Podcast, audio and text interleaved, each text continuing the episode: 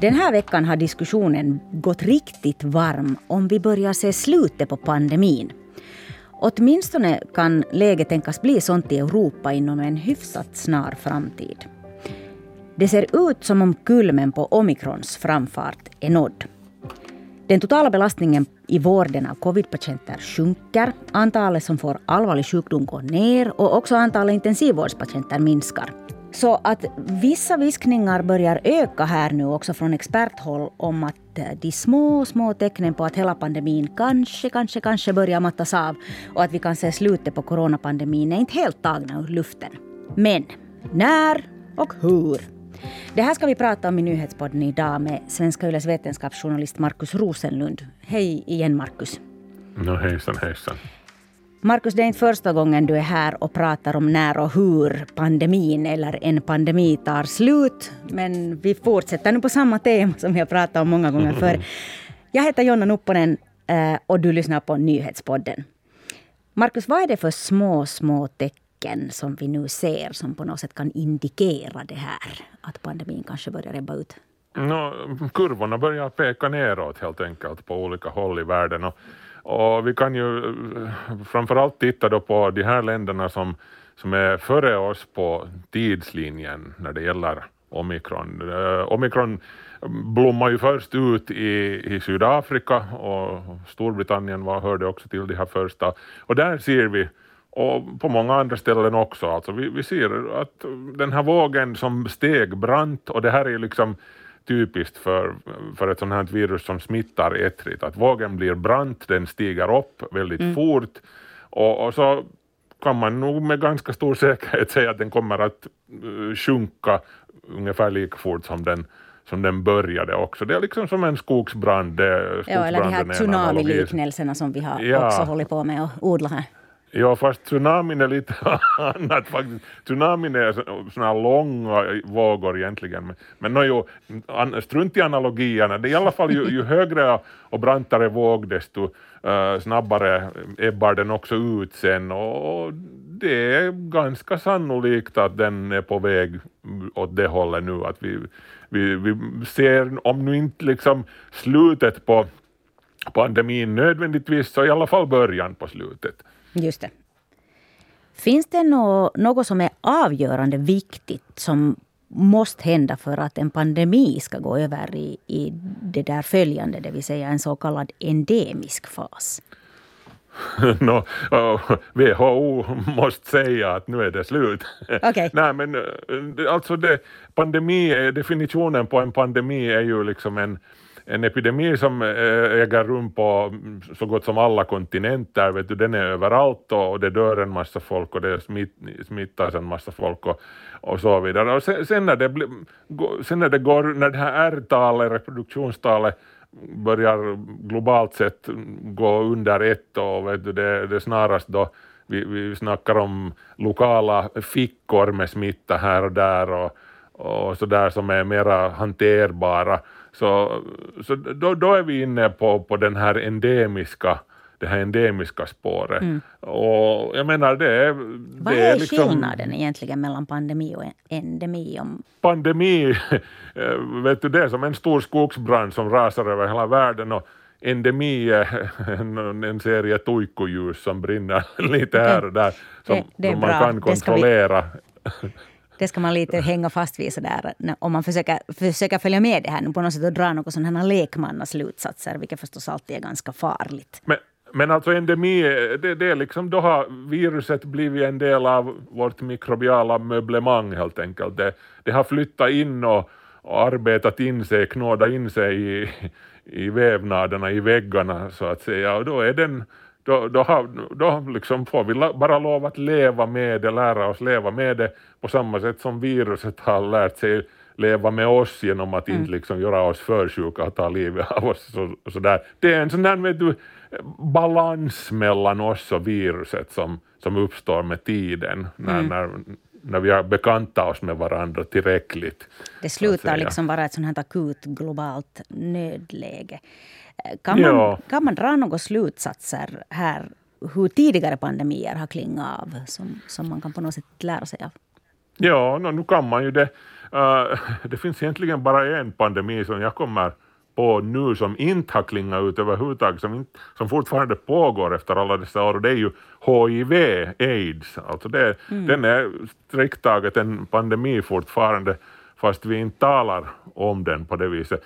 Men, men jag menar, alla stora utbrott av av patogena virus som har ägt rum. Jag menar om vi nu ser på spanska sjukan till exempel, den den blossade också upp ganska fort och så rasade den i ett par år eller så och så, och så tog den slut och försvann mer, mer eller mindre helt och hållet. Det var länge ett mysterium att vad var det egentligen för en sjukdom?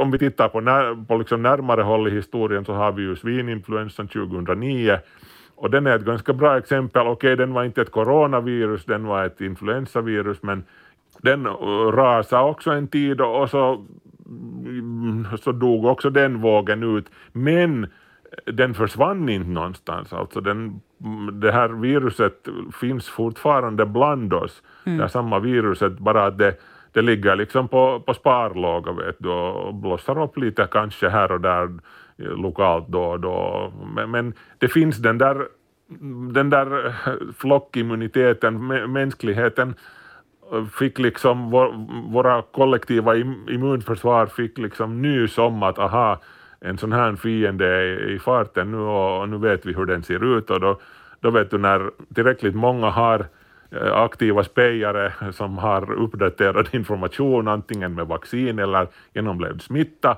så, så blir det inte sen så, så farligt nästa gång den sticker upp sitt fula huvud. En del experter börjar ju då tala, det kanske egentligen är epidemiologen Jussi Sane som jobbar vid WHO som är kanske, har satt igång hela den här diskussionen och den här tankeprocessen om att kanske pandemin börjar klinga ut eh, efter att han har gett intervjuer där han lite har indikerat sånt här ur ett sådant epidemiologiskt perspektiv förstås. Eh, han har sagt till exempel att han redan i somras tyckte sig se tecken på att eh, slutskedet börjar skönjas och att det här coronaviruset sars-cov-2 verkar följa ett sådant liknande mönster som andra luftvägsvirus. Men som sagt, han är ju då epidemiolog och ser kanske andra saker än vi vanliga människor ser och ser kanske också andra saker än vad sjukhusdirektörer eller tjänstemän på social och hälsovårdsministeriet ser. Så alla är ju ingalunda överens om att det är dags att börja hurra och smälla av champagnekorkar här. Så eh, vad är det nu ännu som eh, gör att det här kan svänga? no, det är ju just att uh, en, en ny variant kommer som, som på något vis vänder hela den här uh, situationen mm. uh, på, på och ända. Och, och jag menar, det, sådana här saker kan ju ske väldigt fort. omikron är ett prima exempel på det. Alltså den, Eh, Eh, virologerna och immun, immunologerna, alla, alla experterna är, är ju fullkomligt, eh, sitter och gapar när de tänker på hur, vilken takt det här viruset hade. Att, vet du, på två veckor gick det till från 1 procent till, till 50 procent och sen på, på, på en månad gick det från 50 procent till nästan 100 procent det är fullkomligt oerhört och det är helt galet. Det är värre väl än något sådana scenarier som, som det där skisser som, som något THL och andra sådana myndigheter har suttit och ritat upp i sina diagram. Ja, det, det är så många okända faktorer som du inte kan jämföra liksom med spanska sjukan eller just den iranska pesten eller någonting. Vi är så många i den här världen. Det, vi var, 2013 var vi 7,1 miljarder, nu är vi snart 8 miljarder på mindre än 10 år. Det, det att det finns så många människor betyder att viruset har en, en så stor spelplan att bolla på. Och, och då, vet du, då, det, då är det lite svårt att, att förutspå dess rörelser och dess nästa drag. Så, så det kan hända lite vad som helst men, men sannolikheten för att eh, det ändå är på väg att klinga ut är ganska stor, för det är liksom så som virus jobbar omikron har betett sig ungefär så som man kunde tänka sig att, att ett sånt här endgame, uh, en sån här endgame-variant skulle kunna bete sig. Men det betyder inte att, att vi är på det torra riktigt ännu som sagt. Och vi ska fortsätta att, att liksom vidta alla de här nödvändiga åtgärderna för, för jag menar varje ny variant som har kommit i, i omlopp har ju uppstått när smittan har kommit loss i någon population. Vet mm. du? När folk har lite sänkt garden och så har, så har viruset sagt tack och jag flyttar in här nu och sen har det muterat sig till, till någon otrevlig variant. Så det gäller ju nog fortfarande att liksom, det här är inte något virus som man nu ska dra på sig så därför att man vill ha det undanstökat. Det, det är inte en smart strategi. Mm om och när vi kommer dit att alla de här enorma samhälleliga åtgärderna med restriktioner och gränskontroller och myndighetsoperationer för att testa och spåra befolkningen inte längre behövs. Så hur är det då med vaccineringen? Vaccineringen har ju nu varit den metod med vilken vi mottar den här pandemin. Eh, Måste vi alltså fortsätta till exempel med den här vaccineringskarusellen av hela befolkningen? Två till tre gånger i året ska vi alla stå i kö för att få vaccin. Nej, det, så, så går det nog inte till, eller så kommer det inte att gå till. De här eh, vaccinerna som nu har, har delats ut, så, så de har nu mest varit vet du, temporära brandsläckare för att, för att, för att släcka de här Eh, Mest akuta utbrotten. Eh, och så kan det inte fortsätta eh, och så kommer det inte att fortsätta. Det som, det som kommer att ske och det som liksom forskarna jobbar med härnäst är ett mera sånt här universalt vaccin. Det här nuvarande vaccinet är ju ett sånt som fokuserar på en ganska liten del av, av viruset, på, på det här spikproteinet. Vi behöver helt enkelt ett mera universalt som sagt vaccin som tar i beaktande större delar av, av viruset och som, som blir, är bättre på att vet du, fånga också nya varianter som, mm. som liksom immunförsvaret inte har sett tidigare. Eh, ett, ett lite mera smart och lite mera moget uh, vaccin. Jag menar, med det säger jag inte att det här vaccinet som vi nu har haft har varit dåligt, det har gjort sitt jobb hyfsat bra. Men nästa steg är sen ett sånt här universalvaccin som som, som är, har en lite bredare, ett lite bredare spektrum och som lättare fångar uh, olika varianter. Och de är lite långsammare att utveckla, det, det tar lite längre, så, så där kan det gå ett par år eller så innan, mm. vi, innan vi har ett sånt, men, men det är helt säkert på kommande också. Och, och sen blir det mera vet du, som, sådär som säsongsvaccinet för influensa är just nu, att vi kan kanske gå och ta det en gång i år samtidigt som vi tar våra influensavacciner. Så här. Så. Men så här, vi kommer inte att bli av med viruset, sars-cov-2. Vi kommer inte heller att bli av med sjukdomen covid-19. Men i något skede, förhoppningsvis snart, snart, så går den från att vara en pandemi, ett globalt akut nödläge, till mer av ett sånt här säsongsbetonat virus. Men Markus, vad händer sen?